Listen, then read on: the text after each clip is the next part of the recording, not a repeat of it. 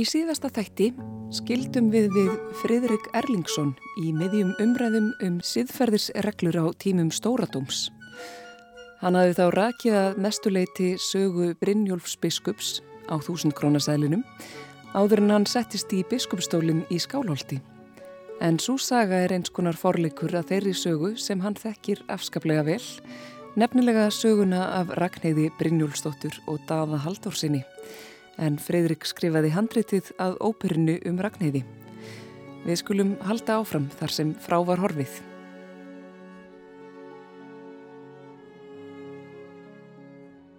Já, þetta er tími stóradóms og stóradómur er afar ströng siðferðislaugjöf þessa tíma og, og setur, setur sitt mark á atbyrðarásuna sérstaklega í sögu þessara fjölskyldu. Nú þau sem sagt eru þá komin í skálholt og eru gift og það er strax 1641 8. september sem Ragnhildur dóttir þeirra fæðist hún fæðist 8. september sem er líka fæðingadagur Maríu Meijar nú árið eftir fæðast síðan tvíburar, drengir eh, annar þeirra deyr en hinn lifir og fær nafnið Haldur þannig að, að Ragnhildur heitir eftir ömmu sinni föðurætt Haldur heitir eftir afa sinni í móðurætt og Haldur sem sagt hann lifir af frumbensku og, og, og vex úr grassi en síðan næstu ára á eftir e, deyr hvert barnið og fætur öðru. Annarkor eitt fæðist andvana mm.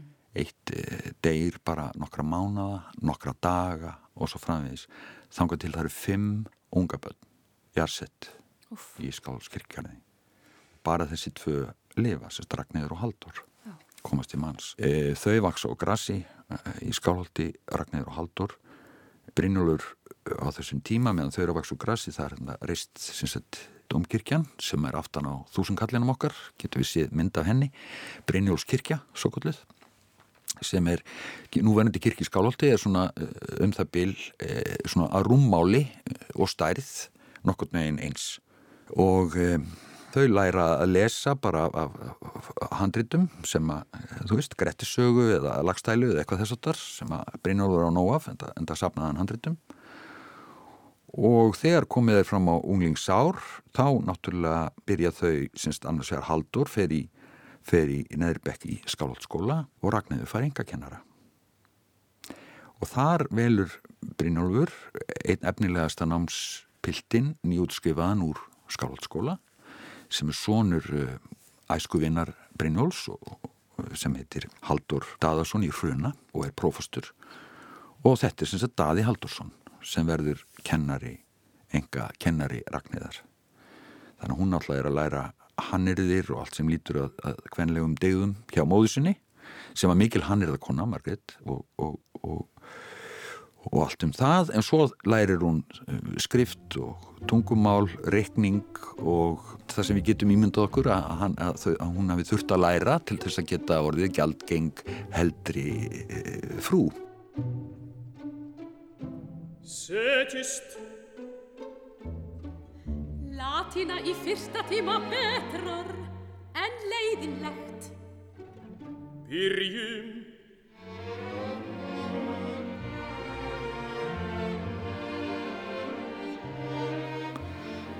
hann er, hann er í þjónustu biskups hans vegur vex mjög rætt dafa biskup hefur mikið álít á hann og, og finnst hann efnilegur og, og allt það. Hann er búin að vera hennar kennari í tvo vetur. Þegar kemur að hennum örlaðaríka vetri í 1660-61 þá byrjar ballið. Og það sem hefur gerst hjá Dada er að hann er búin að egnast tvýbura í lausaleg eh, þeir fæðast þetta sumar 1660 e, dóttir staðarsmiðsins í Skálholti. Já, hvað við segja þau bara sofa saman. Guðeilin veit hvernig það hefur átt sér staðan en bara með e, e, eðlum einveldum hætti eins og slíkt gerist. Hún verður bara samvendi og eignast já, Hvað hétt hún? Hún hétt uh, Guðrýður Guðbjörg eða Guðrýður það, það fyrir tvennum sögum að því. Og við það að hann sagt, þetta eru þau, þau eru ógift þannig að þetta eru frillubörn og þá sagt, gerist það automatist og þetta er náttúrulega partur af laga umhverfinu að það sem að hann er eh, hann er útskrifaður úr skálskóla ef hann ætla sér að fá prestsvíkslu þá getur hún ekki orðið næstu tvö árin eftir að börni fæðast. Mm. þannig að það er svona refsing. Eh, nú var það líka svo að, að, að menn mátt ekki víjast sko fyrir en eftir 25 ára fyrir en að 25 ára aldri var náð. Þarna er daði 23 þannig að það eiginlega kemur út á eitt sko. 23-24 eh, allavega þetta er situasjónin. Þegar, þegar haustið 1660 eh, gengur í gard daði er orðin uppvísa því að hafa fallið þarna eignast börn utan hjónabands og svo framvegs og, og stúlkan er látin fara úr skálholti til þess að svona hún er svona, þetta er svona svolítið vandraðilegt og staðasmiðurinn sveit staðasmiður, Brynjólfur lítur að hafa gert eitthvað vel við hann koma, koma stúlkunni fyrir ykkur staðar á góðum stað þar sem hún bara getur verið með sín börn í friði. Síðan er ekkert vita meir um þau börn. Ég er reynd að hafa upp á henni og, og þeim en, en þau er bara horfin úr heimildum allavega ekki, ég finn þau ekki í Ístindikabók og, og veit svo sem ekki og á öðrum stöðum sem ég hef leitað af hef ég ekki geta haft upp á, upp á þeim en hafi sem sagt þessar tvo vetur sem Ragnarður og Daði sitja saman í kennslustundum í skálholti hafi nú verið byrjað að kvikna á milli þeirra einhverja tilfinningar þá er náttúrulega segja sér sjálft að Dóttir Brynjóls Sveinssonar biskups hún er ekki par hress með það að maðurinn sem hún er farin að vefa einhverja romantískar tilfinningar til eða hugmyndur um sem bara alltaf fann að eignast börn í lausaleg með einhverji stelpu hvort sem að hún er sko, hvaða alvara svo sem býra baki. Maður bara ímynda sér ef maður setur sig inn í personuna mm -hmm. hún er 19 ára þarna. Það er svolítið, hvað maður segja tragedía þeirra feðgina að Ragnhildur er ekki Brynjólfsdóttir fyrir ekki neitt. Hún er eins og snýst út unna svona föðu sínum og þess vegna rekast þau svona harkalega á að því að hún er sem hann. Hún er með sinn stálvilja og ætlar ekki að láta undan, ekki frekar en hann. Þannig að þarna um haustið 1660 þá kemur upp kvittur meðal skólapilda í eldri bekk eh, skálhaldsskóla um að það sé nú eitthvað í gangi millir Ragnhildar og Dada og uh, kirkjupresturinn í skálhaldi Sigurður Torvarsson hann heyri þennan kvitt. Og uh, til að gera langarsugustutta þá fer hann á samt 80 skólamestara þeir gerir eitthvað svona frum rannsókn á, á þessum kæftavaðli og finnst náttúrulega þetta ekki sérlega sniðuð kæftasaga en berað þetta á borð fyrir biskup. Og hann náttúrulega brálaður og eins og von er, þetta náttúrulega er, er fáhirt að, svona kæftasaga skjótu kollinum um sjálfa biskupsdótturina vænsta kvenn kostlandsins og það er mjög skemmtilegt að lesa tólkun Guðmunda Kampans í hans stórvirki skálsónum Skálholt sem er til fjögubindi því að í fyrsta lagi þá notar hann hvert einasta snifsi af skriflegum heimildum til þess að vita nákvæmlega hvernig allt var. En síðan notar hann sér skáldlega innsæði sem er mikið til þess að búa til sálfræðilega trúverðugar personur og honum texta svo glæsilega að það er einhverlega líkt. Og þegar maður hefur lesið skálholt kampans þá les maður Íslandsklukkunum með allt öðrum ögum og það er alveg ljúst að Hátur Lagstins er að fá alveg helling frá skálholti kampans og eins og kampan dregur upp lýsinga á því þessu, þessari situasjón að þá er náttúrulega það eru kærleikar milli daða og ragnæðar en það er náttúrulega eru sér bæði meðvitum að það má ekki ganga alla leið. Þau þekkja bæði afleggingarnar því. Daði nýbúin eignast týpur auðvitað hjónabands Ragnæður búin að fylgjast með móðu sinni í gegnum fjóra meðgöngur, hún veit og þau bæði með á hreinu hvernig börnum verða til og svo framvegis, þannig að það er ekki farið alla leið, Hva, hversu mikið sem þau hafa verið að, að kela að öðru leiti, skilur þau um það er ekki takt að ímynda sér eða vita eða, eða segja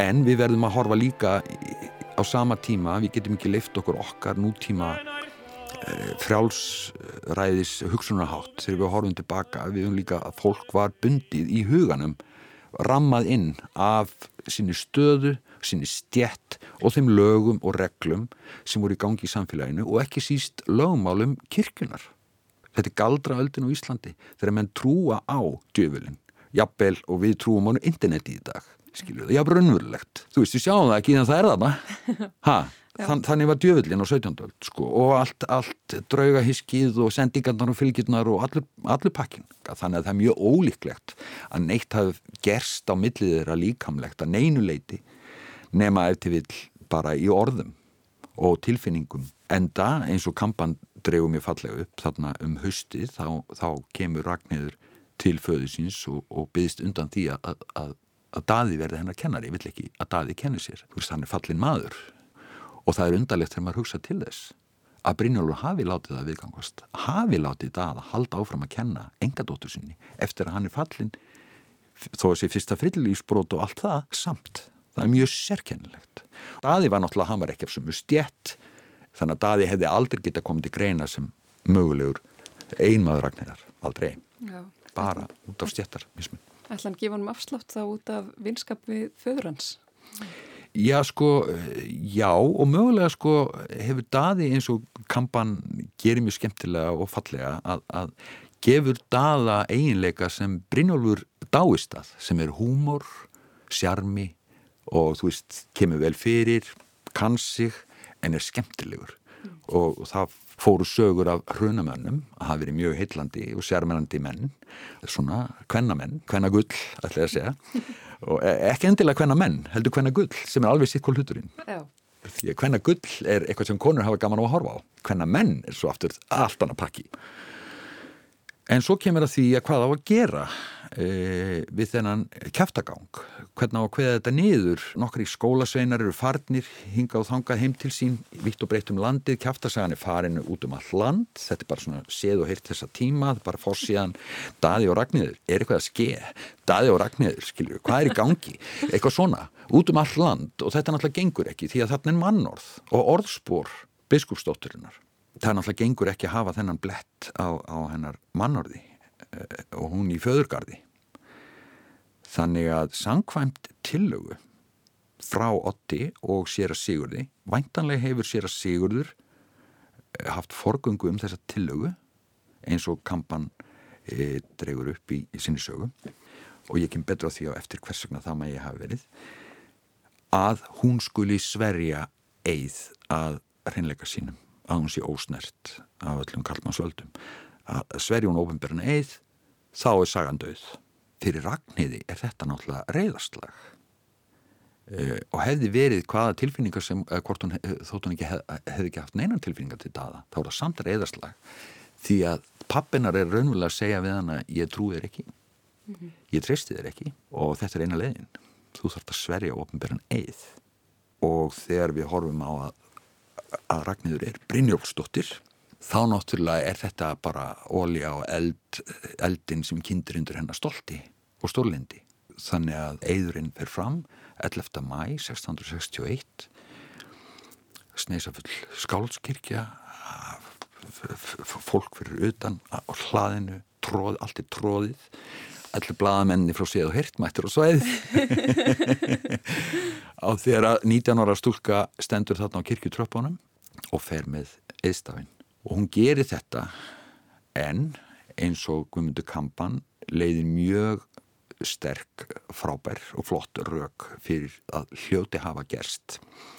Er að um nóttina tekur hún, lífsi, tekur hún sett, völdin yfir lífi sínu í eigin hendur. Eins og ég eh, setti í texta óperunar biskup átti daginn mín er nóttin, segir hún þegar hún kemur um nóttina til dada og segir bara þetta er okkar brúkvöldsnótt, það er þessi seitt sko þú neyta mér ekki núna. Að, að hennar er frumkvæðið, hún ætlar að taka völdin yfir lífi, sínu eigin lífi í sína eigin hendur.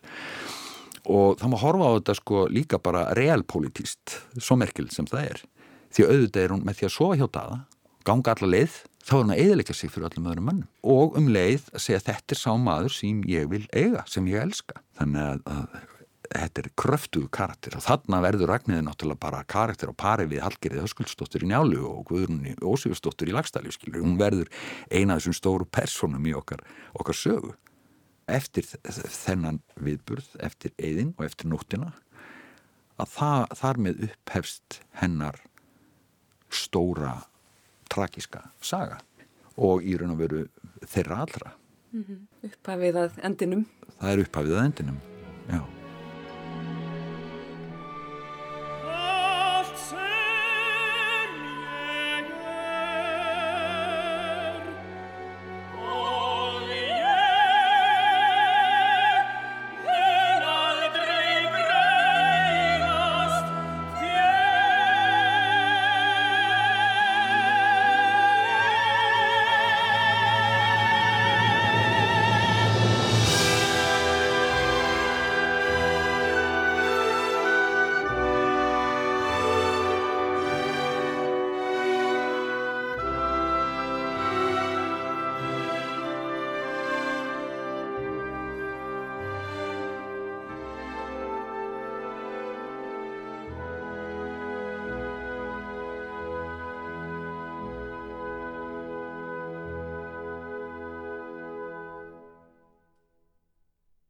það sem gerist í beinu framaldi er að hún alltaf gerir sér sjálfsagt fljótt grein fyrir að hún er ronin barsafandi. Það sem er aðtilsvert eins og Guðmundur Kampan eh, leggur upp með, sko hann segir bara e- ef Ragnæður og Daði hafa, sem sagt, það hefur orðið getnaður nóttina 11. mæ 1661 og 15. februar 1662 fæðist drengurinn. Það er sem sagt nákvæmlega upp á dag. 40 vikur 280 dagar eða nýju mánuður Já. sem sé réttur meðgöngu tími og það bara lokar dæmin. Það raukstiður svo fallega. Einmitt þetta. Skilur, við, við getum ekki dýmynduð okkur um en það er frekar ólíklegt að þau hafa átt í einhverju líkamlega nánum samskiptum fyrir þennan tíma. En þann allafanna hefur gest þarna. Þessa nótt, þannig er það bara. Reiknistæmið sýnir það og um sumarið eru þau náttúrulega orðin sem meðvitu um það að hún er bara samvendi þau hefur von á barni og opposí, sem sagt, það mun þá sagt, gefa til kynna að hún hafi svarað ránga neið mögulega eða, eða, eða hvað. En eitthvað verður að gera og Ragnarður veit það að, að Brynjólfur mun aldrei giftana óvíðum manni.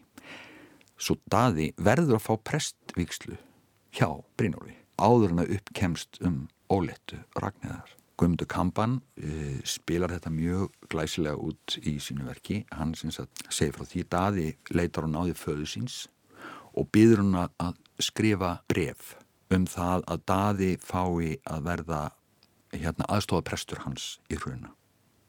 Vegna þess að eldri bróði daða, Árni var orðin kirkjuprestur í Skálholti.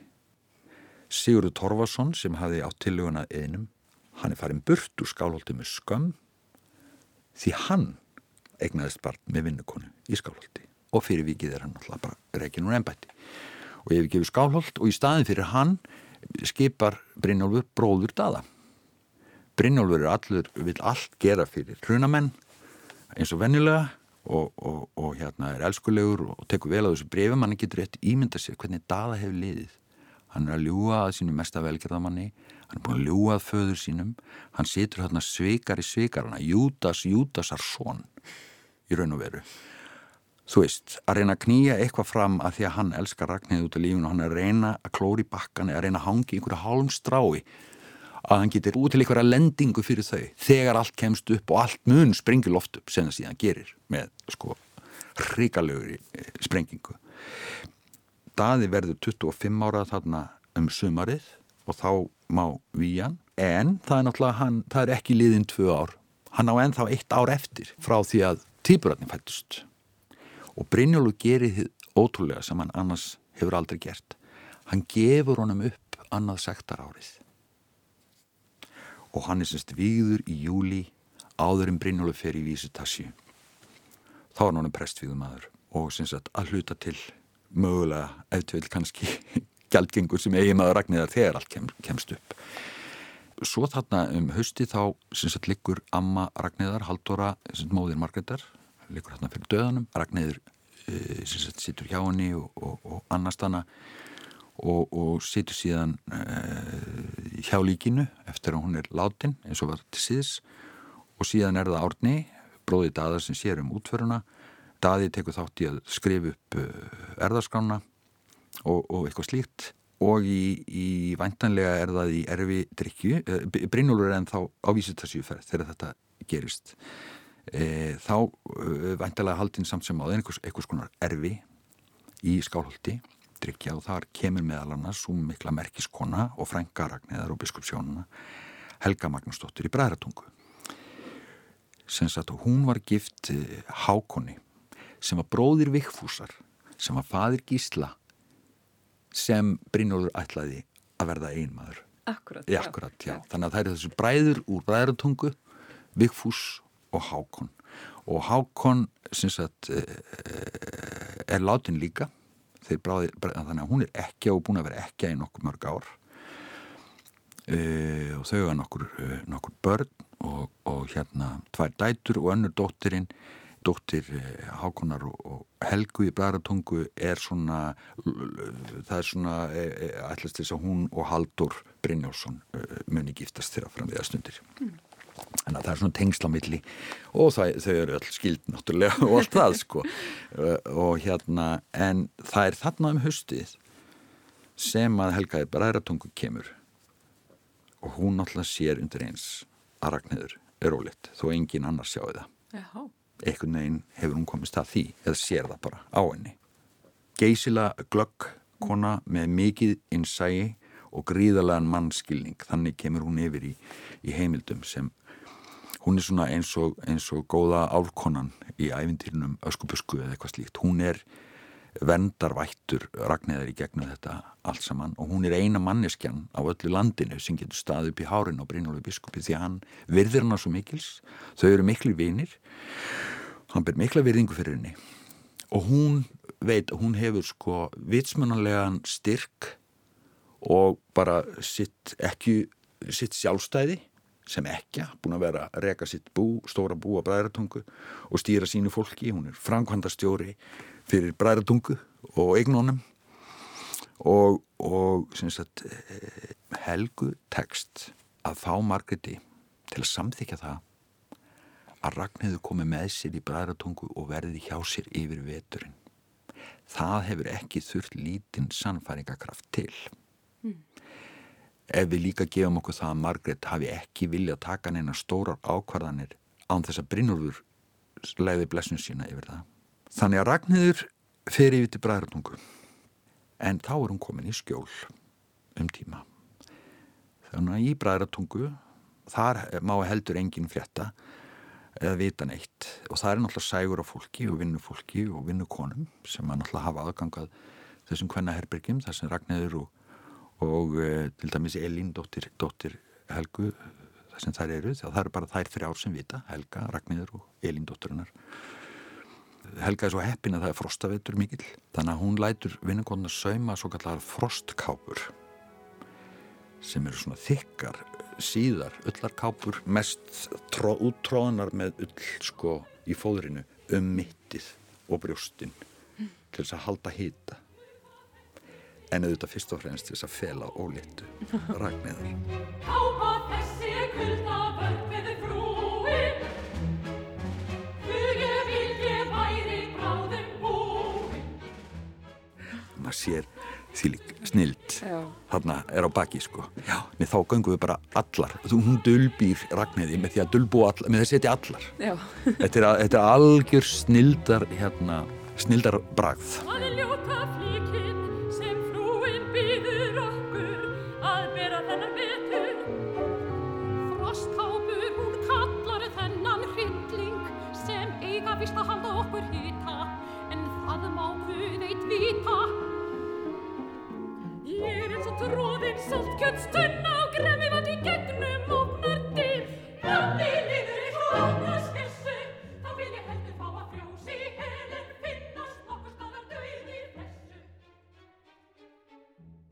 syns að þarna fær Ragnhildur sína meðgöngu í friði og ró undir örugri vernd frængu sína helgu þar til nóttina 15. februar þegar að drengurinn fæðist. Eh, helga náttúrulega gerir það sem hún þarf að gera hún, hún eh, kallar til tvo menn til að ríða í skálholt og, og tilkynna Brynjólfi þetta. Hefðu ekki getað bara því að segja honum þetta? Nei. Hvernig átt að ég veit ekki hvernig það hefði átt að spilast. Nei. Fela þetta barn að eilifu Fela þetta barn að eilifu, jú kannski. Eh, hefði það verið ein leið en svo leið hefur augljóslega ekki hafi hún verið skoðuð þá er hún augljóslega ekki komið til greina.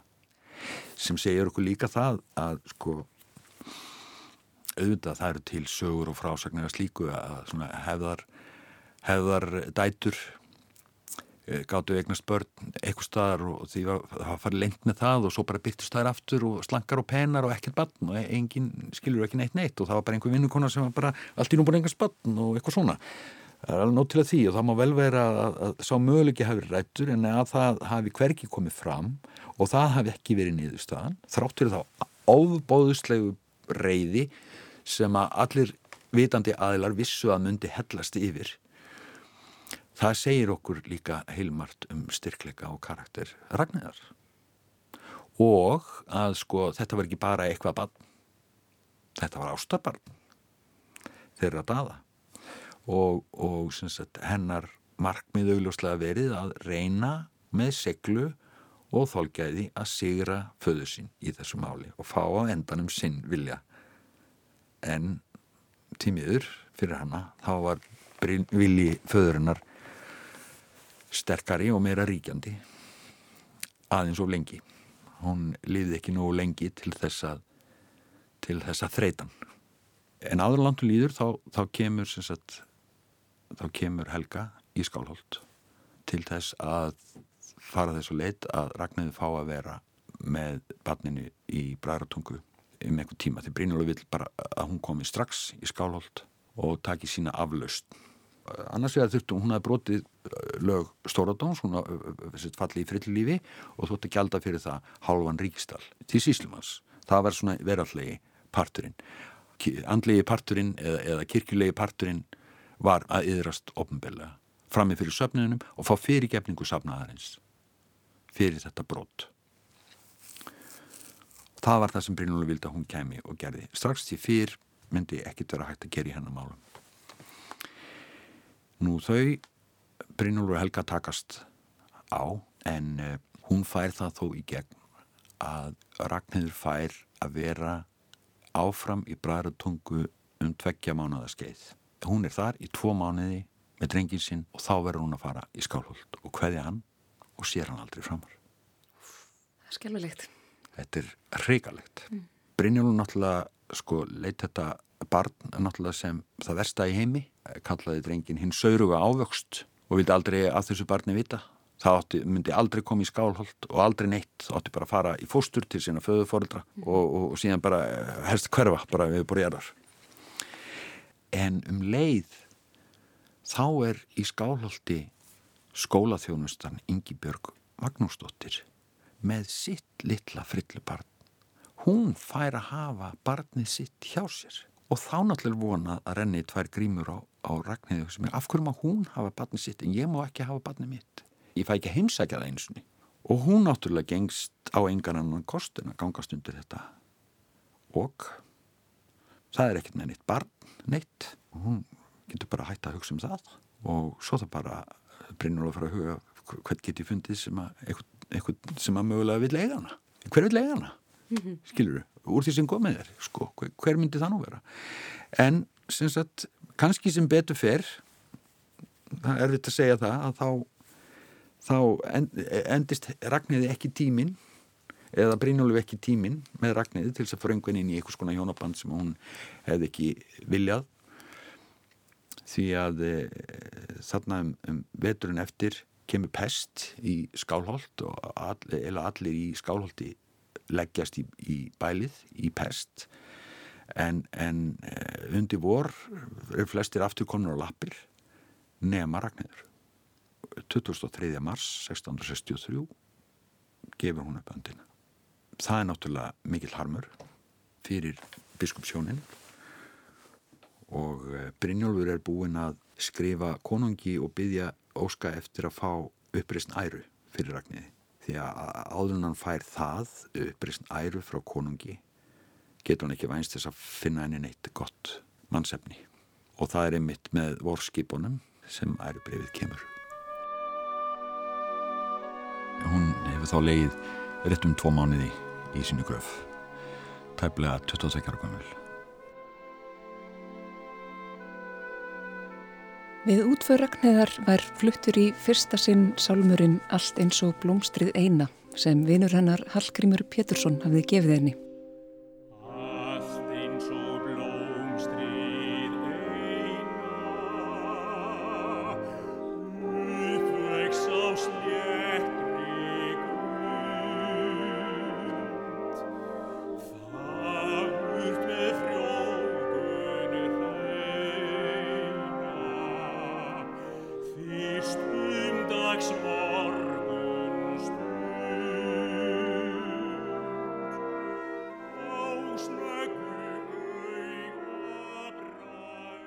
Eftir dauða Ragnhildar, það sem gerist næst er það að Haldur er úti í Jarmúð í Englandi. Það kemur stríð á milli hollendinga og englendinga, svo kallar annað vestlunastríð þjóðana og meðan að stríði varir þá er Haldur eiginlega einangraður út á Englandi. Brynjóli getur ekki sendt til hans peninga eða fær ekki neina frettir á honum.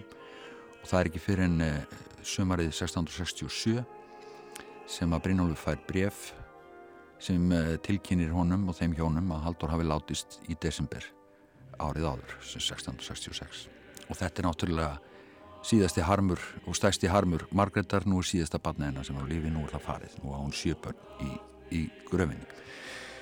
Vitandi náttúrulega af sínu barnabarni sem að hún hefur náttúrulega áraðanlega frá, frá því að hún veit að það er til haft mikinn huga á að sjá og fá til sín en aldrei fengið fyrir Brynjólfi sem sá bara þetta var ekkit barn, þetta var bara saurugur ávöxtur en við dauða Haldurs þá brítur Brynjólfur loksins odd af oflæti sínu og lætur sækja Þórð Lilla, Dada og Ragnæðarsson í hruna og til Skálholts til að hugga Margreði mm.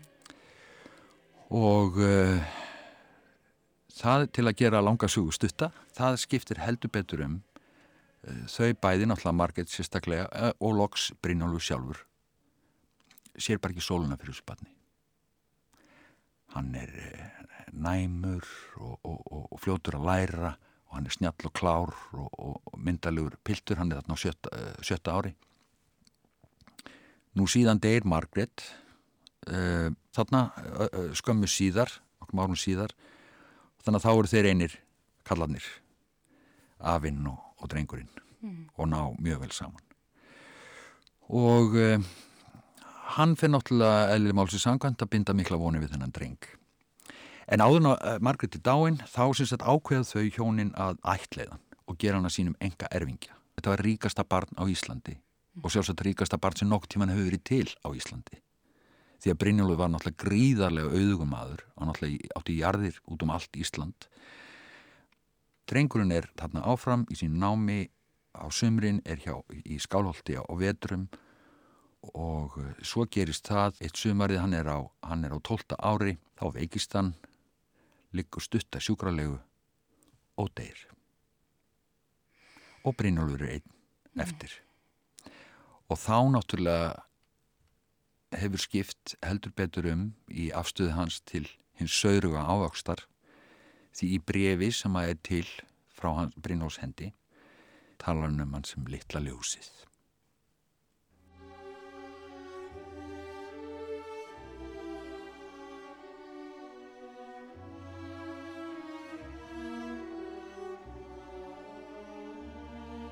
Brynjólfur sjálfur lést tveimur árum síðar á 70. aldursári. Auðugasti maður landsins skildi enga erfingi eftir sig og hafði fyllt sjö börnum, eiginkonu og barnabarni til gravar.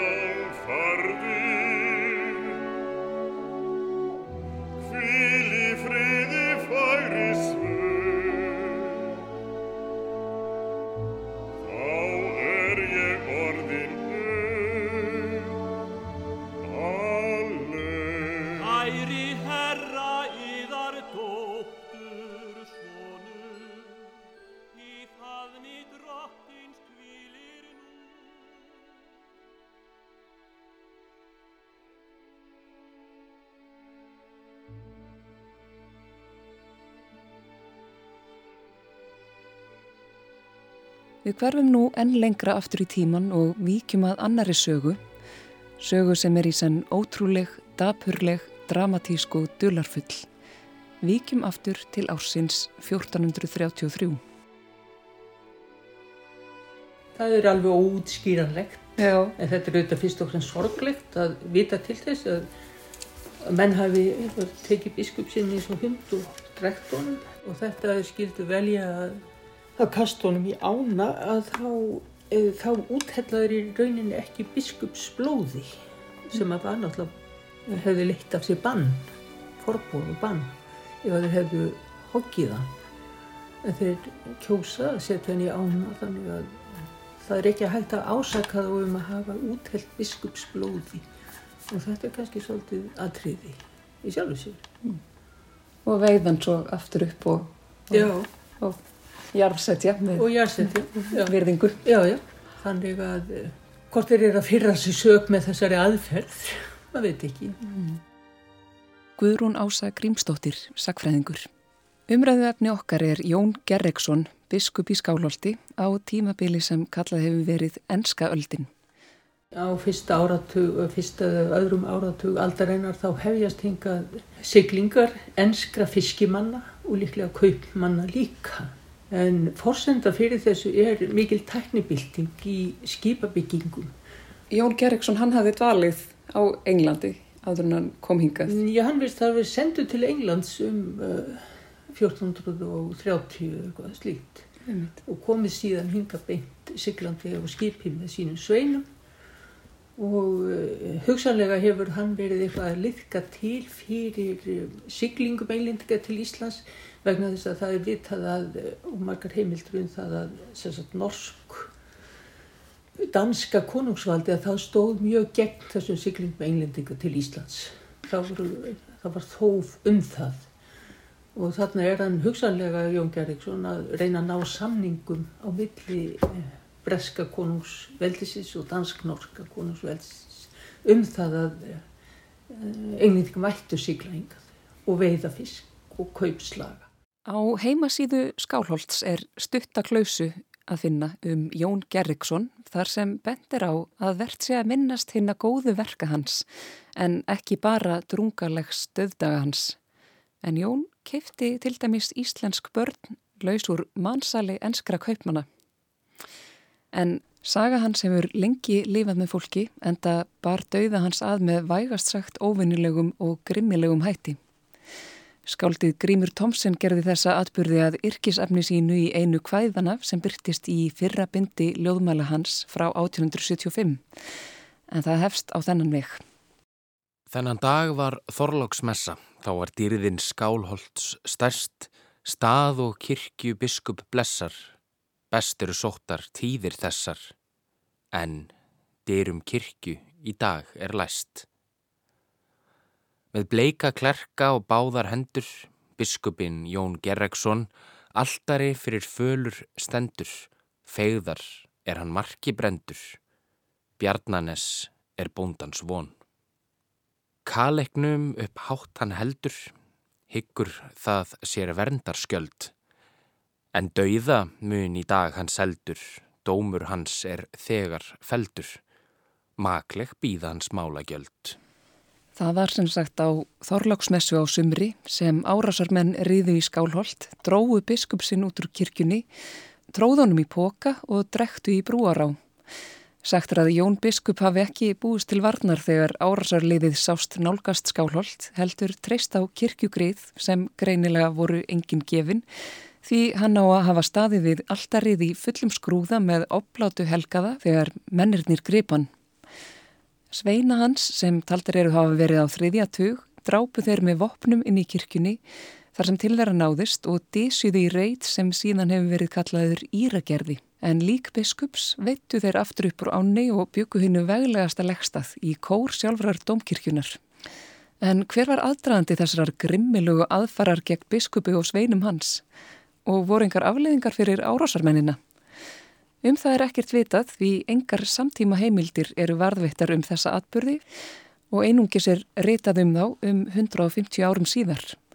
Forn annaláritun segir frá komu Jóns Gerrekssonar árið 1430 en eftir það verðist hún hafa lagst í dvala í rúm 100 ár og að svo löngum tíma liðnum er ekki ólíklegt að sagan hafi tekið ímsum breytingum það er talað um kirkjubólsbrennuna Já.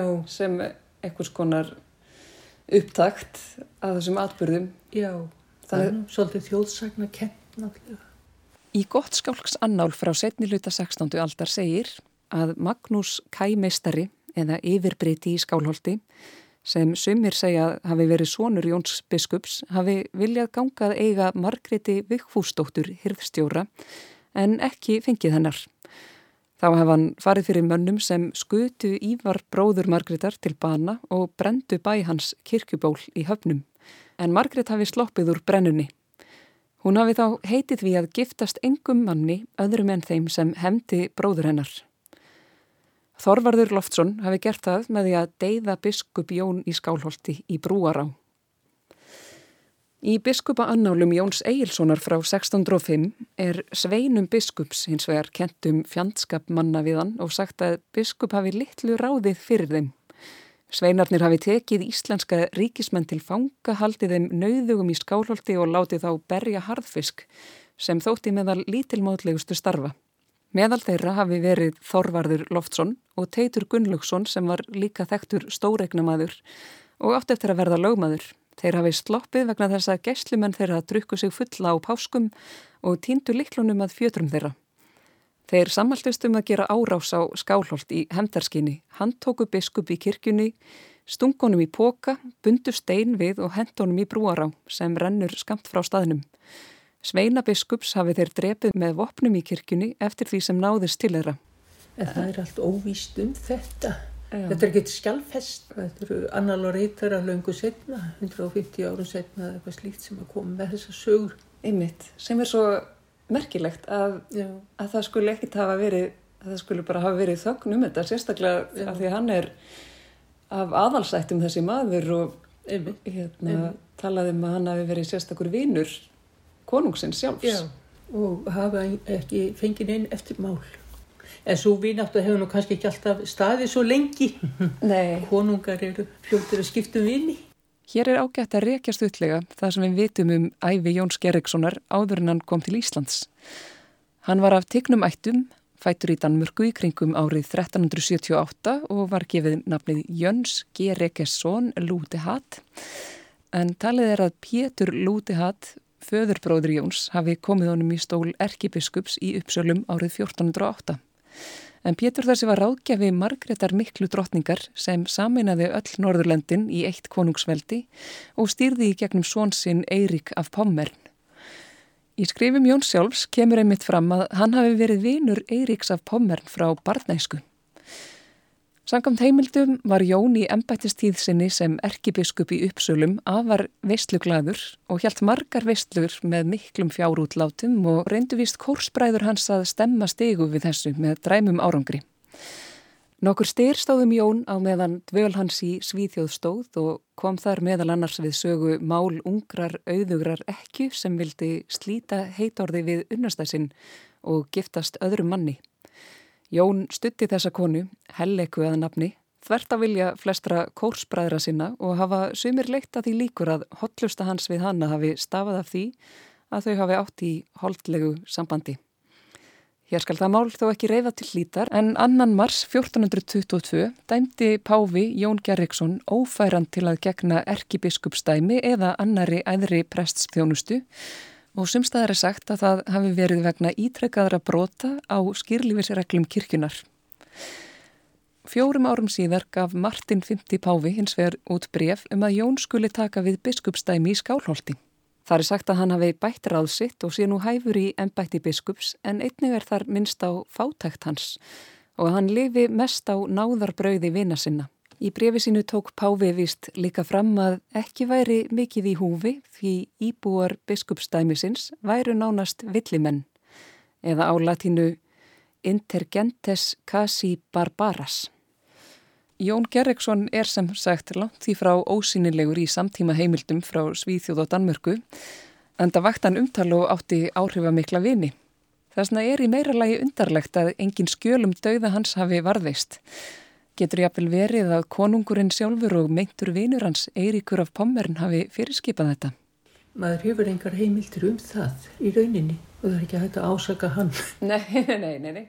Nei, nei, við höfum engar heimildir um það en það er svona, menn hafa reynd að hlaða líkum að því að þetta hafi verið ykkur tókstreit á villi enska konungsvalsins og, og Eiríks af Pommern og sem sagt þetta að það skuli enginn skjöl hafa uh, vera til sem að sanni það eh, sem að sem kom, uh, leiði það í ljós að mennindir sem að tóku biskup hafi þurft að gælda fyrir það með sekt eða mm -hmm.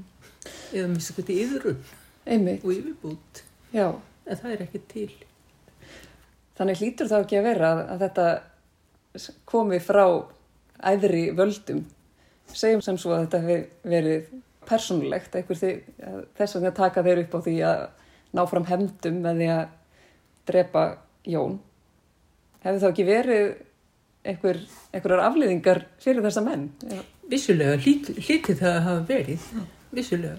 En það er spurning ef að, ef að þessi dönsku og sænsku sveinar hafa verið ólagmættir í landinu og þá er kannski, þá hafa höfingjar hérlendist talið sig í fullur rétti með því að koma þeim fyrir og taka fyrir þeirra yfirgang. En eins og þetta er eins og annað, okkur vantar alveg heimildur um hvað gerðu þessi sveinar af sér.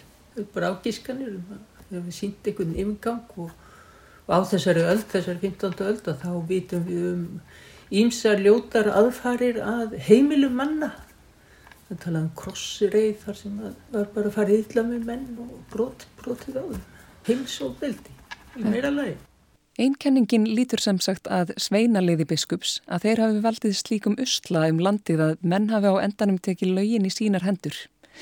En Guðrún Ása sagði mér einmitt frá alþingissamþygt frá 1431 sem gefur vísbendingu um óagnæju landsmanna með þessa sveina því í samþyktinni er lagt til bann við umferð svenskra og danskra sveina hér um landið.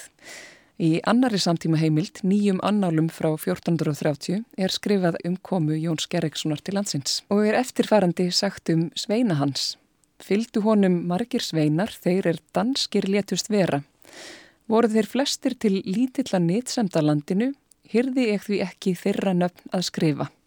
Að einhverju leiti finnst maður eins að skiljanlegt að, að þessir sveinar sem eru ónafngreindir í sögunni að, mm -hmm. að það skul ekki vera sérstakar afleggingar af þessum drápum á þeim en Já. það að þetta með sjálfan biskupin Já, algjörð það.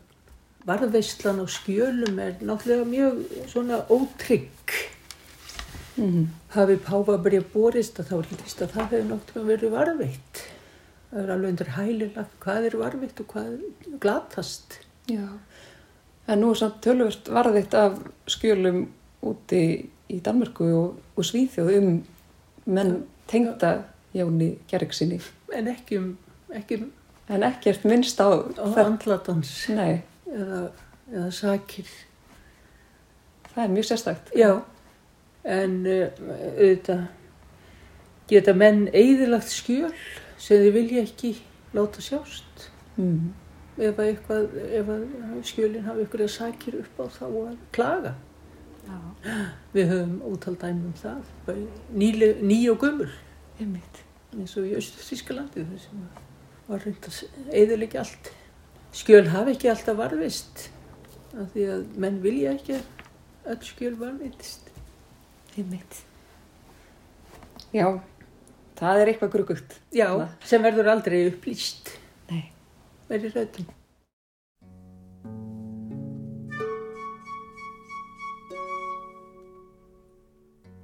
Já, sumt verður aldrei upplýst og það er kannski einmitt það sem viðheldur áhuga fólks.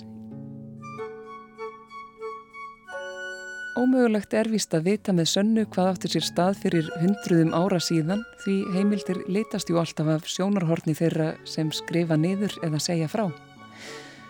Burt séð frá því má samt týna sér lengi í sagnabrunni skálholts og auðvelt að gleima stað og stund.